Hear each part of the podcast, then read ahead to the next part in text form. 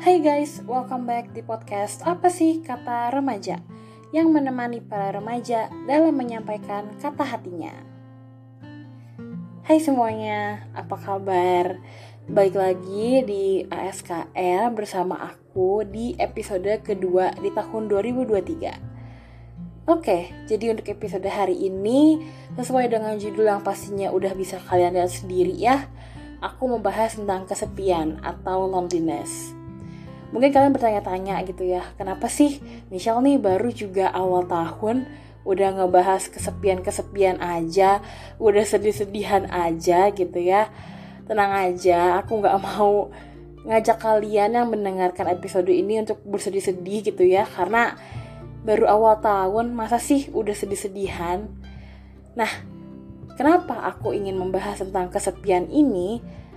Ya jawabannya adalah karena di tahun 2022 yang lalu pertama kalinya aku merasakan kesepian dan pertama kalinya juga aku belajar bagaimana caranya how to deal with loneliness gitu. Dan menurut aku how to deal with loneliness ini menjadi salah satu pelajaran yang berharga banget buat aku yang sampai sekarang selalu aku inget-inget yang selalu aku pegang terus gitu ya karena menurut aku itu sangat amat penting gitu. Dan karena waktu itu aku juga merasakan kesepian ini, uh, salah satu cara untuk aku deal with loneliness itu adalah baca-baca buku-buku self improvement yang membahas tentang kesepian. Nah, ada beberapa buku yang udah aku beli dan udah aku baca sampai selesai. Udah aku highlight juga hal-hal yang menurut aku penting, yang menurut aku bisa jadi uh, mungkin apa ya sumber informasi gitu ya. Dan yang bikin aku kaget juga adalah aku nggak tahu sih kalian tuh udah pada tahu atau belum ya. Cuma kalau aku belum tahu sih ya ternyata ada loh menteri kesepian. Like wow aku baru tahu ternyata ada menteri kesepian gitu. Aku nggak tahu sih di Indonesia ada atau enggak ya. Tapi setahu aku nggak ada sih aku belum pernah denger gitu. Cuman yang aku tahu dan aku baca dari buku, salah satu buku yang aku beli yaitu judulnya Sepi dari Pijar Psikologi. Mereka itu bilang kalau di Inggris itu ada menteri kesepian itu aktifnya tahun 2014. Terus di Jepang juga ada menteri kesepian aktifnya tahun 2021. Nah tujuannya dibentuk um, menteri-menteri kesepian ini adalah karena di negara-negara mereka itu ya di Inggris dan Jepang itu ada kayak penelitian gitu yang mengindikasikan kalau ternyata masyarakat mereka tuh banyak banget yang kesepian gitu loh. Dan kesepiannya itu sampai um, ada yang bunuh diri lah ada yang um, melakukan hal yang membahayakan untuk diri dia dan orang lain gitu.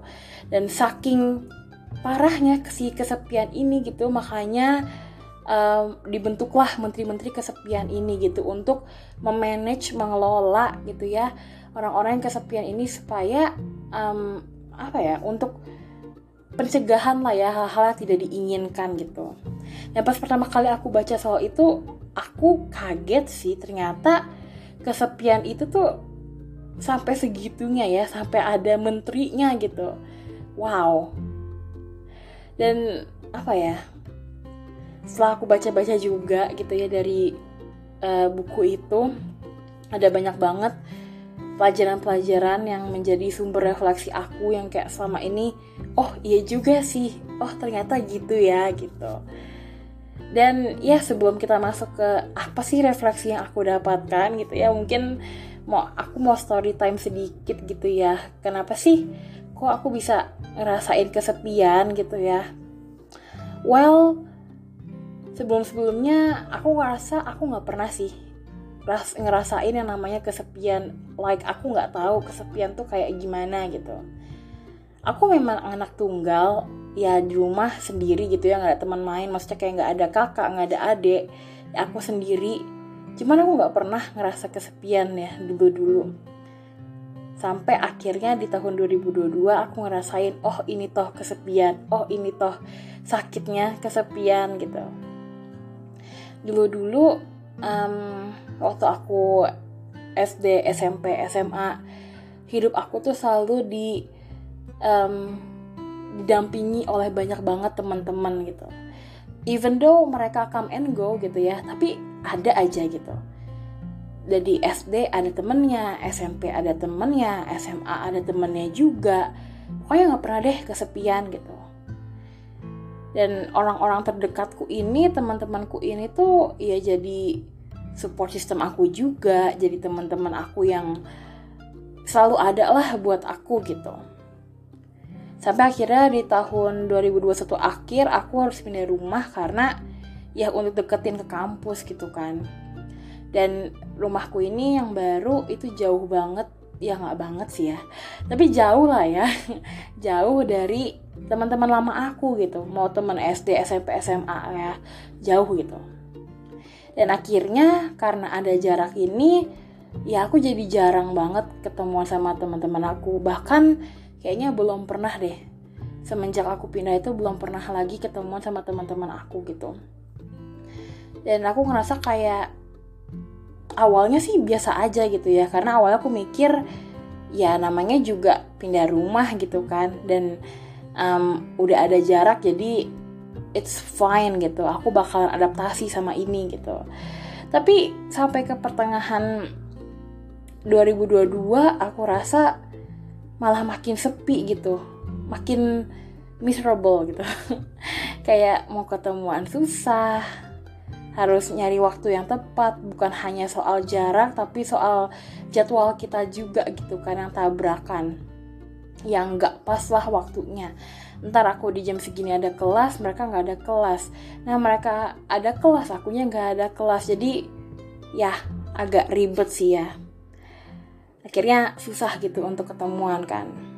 Dan di tahun 2022 juga aku ada lumayan masalah soal pertemanan juga. Sebenarnya aku nggak tahu sih ini masalah atau bukan gitu ya. Cuman ya itu sebuah challenge lah ya buat aku. Dan akhirnya aku ngerasa kesepian gitu. Aku nggak ada orang yang bisa aku ajak ngomong yang bisa aku ajakin cerita gitu. Orang-orangnya berkurang teman-temannya berkurang. Dan ya aku paham sih hal itu terjadi karena kita semua lagi growing up lagi um, mengejar cita-cita masing-masing lagi fokus sama studi dan masa depan masing-masing which is scary tapi emang itu jalannya gitu. Itu harus terjadi untuk kita bisa masuk ke fase dewasa gitu kan. Cuman aku gak pernah mikir kalau ternyata menjadi dewasa tuh menyakitkan itu gitu. Sesepi itu menjadi seseorang yang dianggap dewasa. Ya mungkin pengalaman aku nggak sama kayak pengalaman berbagai orang di luar sana gitu ya. Atau mungkin beberapa dari kalian yang denger ini pengalamannya juga sama kayak aku. Either way ya itu yang aku alamin dan menurut aku menjadi dewasa itu cukup menyakitkan so far. Karena ya kita harus menerima fakta kalau misalkan kita udah bukan anak kecil lagi yang bisa seenaknya aja ngelakuin apa yang kita mau gitu. Karena ada hal-hal yang lebih besar daripada itu gitu yang harus kita lakukan yang menjadi tanggung jawab kita. Dan kita nggak bisa lari dari itu karena ya itu udah bagian dari hidup kita gitu. Kalau kita lari dari itu ya kita nggak bisa hidup sesimpel itu gitu. Dan iya sih aku emang I'm having a hard time to deal with it to accept it karena aku ngerasa jiwaku tuh masih jiwa anak kecil yang apa-apa perlu diturutin yang pengen ini itu yang nggak bisa apa ya yang terlalu sensitif mungkin. Tapi aku juga berusaha untuk apa ya menyadari kalau aku udah bukan anak kecil lagi aku udah mau dewasa. Bahkan udah udah cukup dewasa lah ya untuk memahami kalau masa-masa remajaku tuh udah mau abis loh gitu.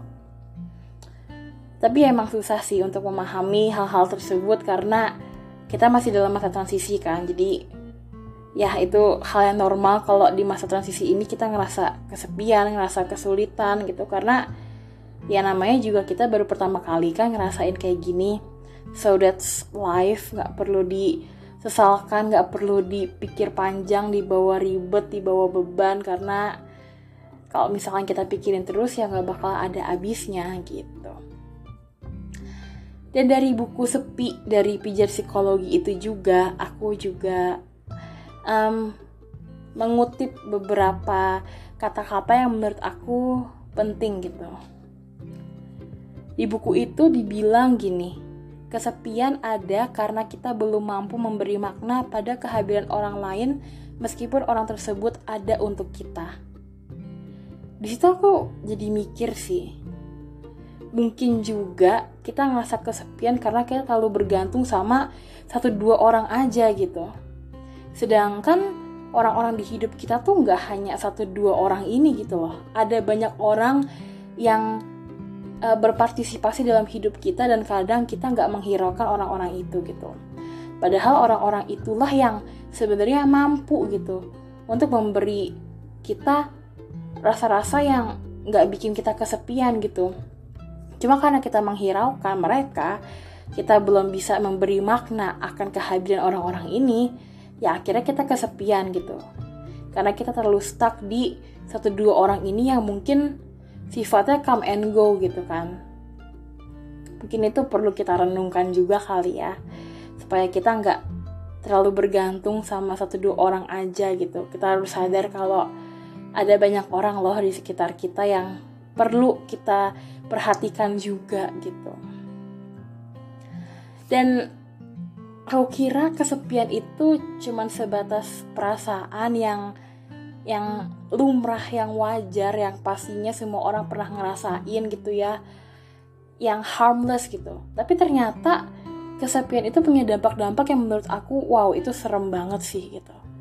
Dan di sini aku bakalan ngasih tahu beberapa dampak kesepian dan ini menjadi sebatas informasi aja ya aku nggak mau ini jadi bikin kalian self diagnose karena itu nggak sehat itu nggak benar untuk self diagnose cuman berdasarkan buku yang aku baca ini ada beberapa dampak-dampak kesepian gitu. Yang pertama itu kesepian memicu gejala depresif. Ini dari pertama aja udah udah serem ya memicu gejala depresif gitu. Dari kesepian kita jadi bisa punya suicidal thoughts which is a lot scarier. Jadi ya semoga kita tidak um, kesepian-kesepian lagi gitu ya karena itu sangat amat menyeramkan sih. Lalu yang kedua juga ternyata kesepian itu bisa berdampak pada kesehatan otak dan jantung gitu. Contohnya kayak kita uh, bisa gangguan tidur atau gangguan tekanan darah, terus juga re uh, resiko untuk mendapatkan demensia atau stroke itu juga meningkat gitu. Bayangin ya, dari sebuah perasaan aja itu bisa ngefek banget sama kesehatan kita gitu ke physical health kita. Kayak bayangin aja otak jantung gangguan tidur gangguan tekanan darah demensia stroke itu kan aduh itu mengerikan banget ya guys. Dan itu muncul cuman gara-gara satu perasaan kesepian ini gitu. Gila gak sih? Lalu juga kesepian itu bisa memicu gangguan emosi kayak kecemasan, ketakutan, kemarahan, dan lain sebagainya gitu. Jadi emang kesepian ini tuh diem-diem bau gitu ya guys. Karena dari sebuah perasaan ini bisa banyak banget muncul health problems gitu. Dan nggak hanya um, yang berhubungan dengan kondisi mental aja tapi fisikal juga bisa gitu kan. Gangguan tidur lah wah itu parah banget sih. Dan kayaknya kalau gangguan tidur aku ngerasain sih gangguan tidur itu gitu dan gangguan tidur itu nggak hanya sebatas kayak aduh nggak bisa tidur nih gitu kan. Terus abis itu akhirnya begadang dulu deh sampai jam 1 sampai jam 2 sampai jam 3 nggak nggak kayak gitu gitu. Gangguan tidur itu banyak banget macamnya bisa uh, insomnia sleep apnea uh, terus sleep paralysis. Pokoknya banyak banget deh. Dan mungkin kadang-kadang orang tuh kayak agak suka meremehkan gangguan tidur gitu yang ngerasa kayak oh ini lagi kecapean aja lagi jet lag gitu kan. Padahal sebenarnya kalau kalian ngerasa kalian punya gangguan tidur dan itu udah berlangsung cukup lama coba kalian cari uh, professional help biar kalian tahu gitu kalau ini tuh emang emang cuman sebatas ya gangguan sesaat doang atau takutnya bisa menjadi memicu hal-hal lain yang tidak diinginkan gitu. Karena gangguan tidur itu uh, bisa aja contohnya ini kayak pengalaman pribadi aku. Aku ngerasa tidur itu nggak pernah nyenyak gitu. Jadi kalau misalkan malamnya tidur paginya tuh bangun rasanya tuh badan tuh pegel-pegel semua. Terus setiap setiap mau tidur itu atau setiap baru mau bangun tidur gitu ya aku ngerasa kayak otakku tuh penuh apa ya penuh informasi gitu berat banget dan nggak bisa tidur yang namanya tuh diem atau sleep in peace gitu itu nggak pernah gitu. Jadi kayak pasti pas mau tidur atau pas lagi tidur pas bangun tidur itu rasanya tuh kayak aku bisa denger suara-suara yang ada di otak aku gitu.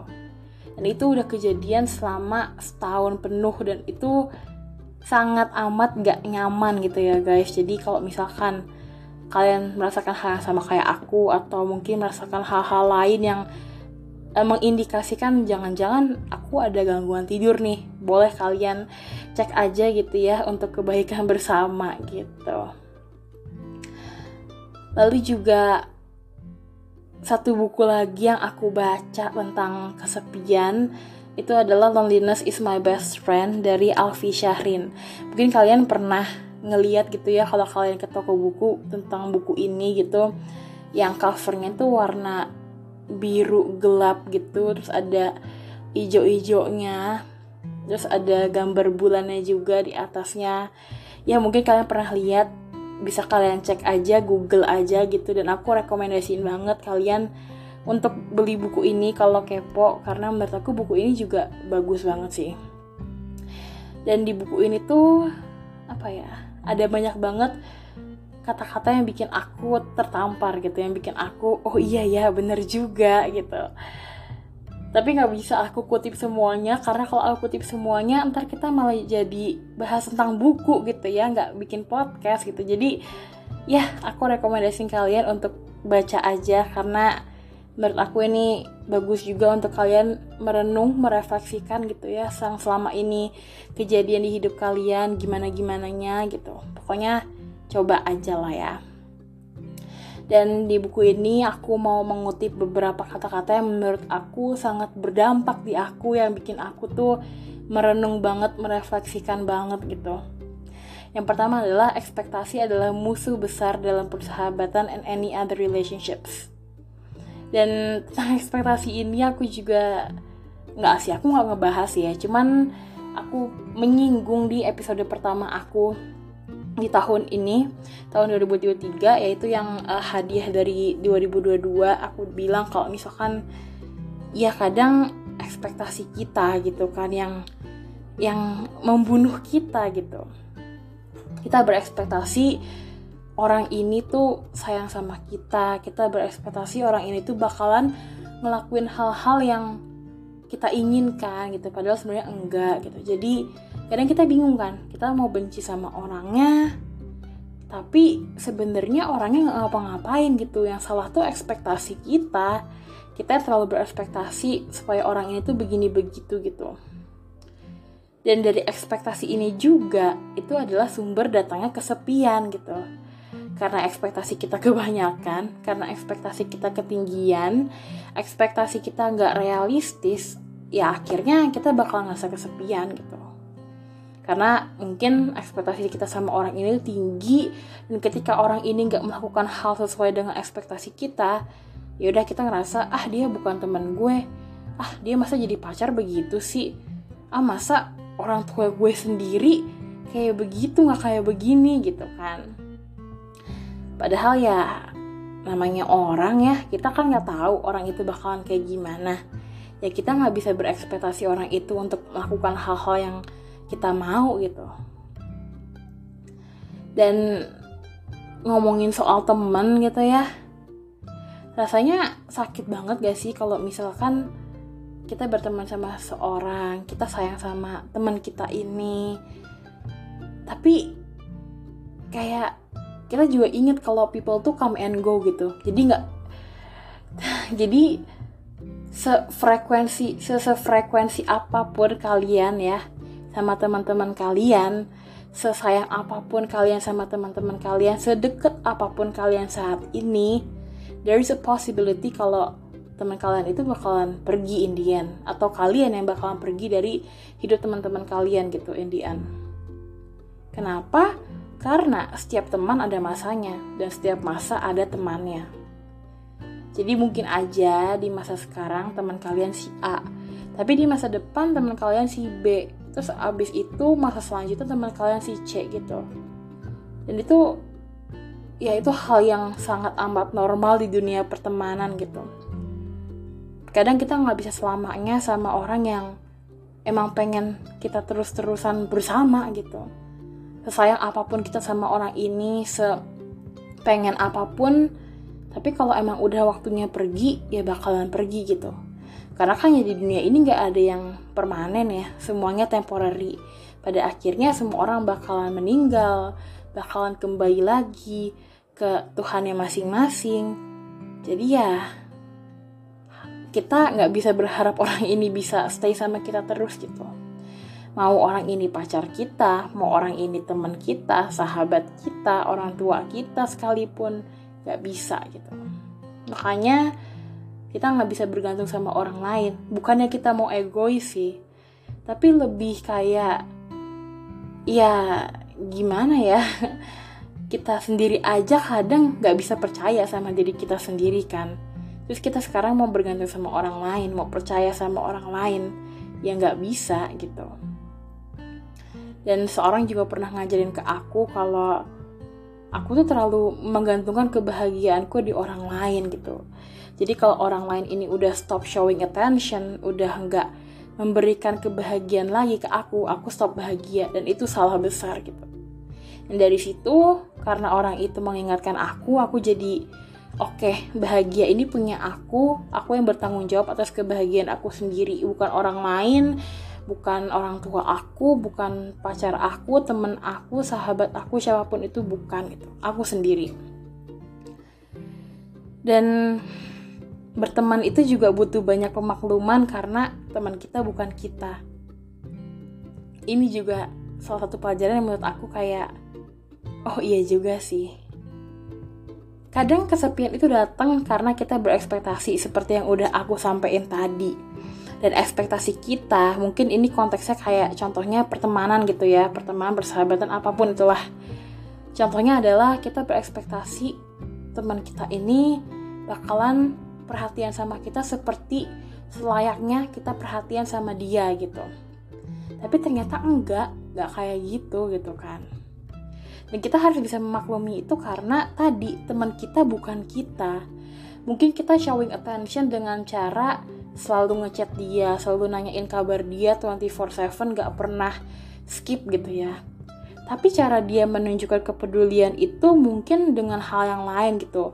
Mungkin dengan setting boundaries karena mungkin mereka tahu kalau kita tuh juga punya kesibukan gitu kan. Mereka nggak mau mengganggu kita gitu. Makanya mungkin mereka tuh ngechat kita atau ngasih kabar ke kita tuh cuman sebulan sekali maybe atau mungkin setahun sekali walaupun menyakitkan ya tapi emang itu kenyataannya gitu dan kita harus bisa maklumin itu karena teman kita bukan kita.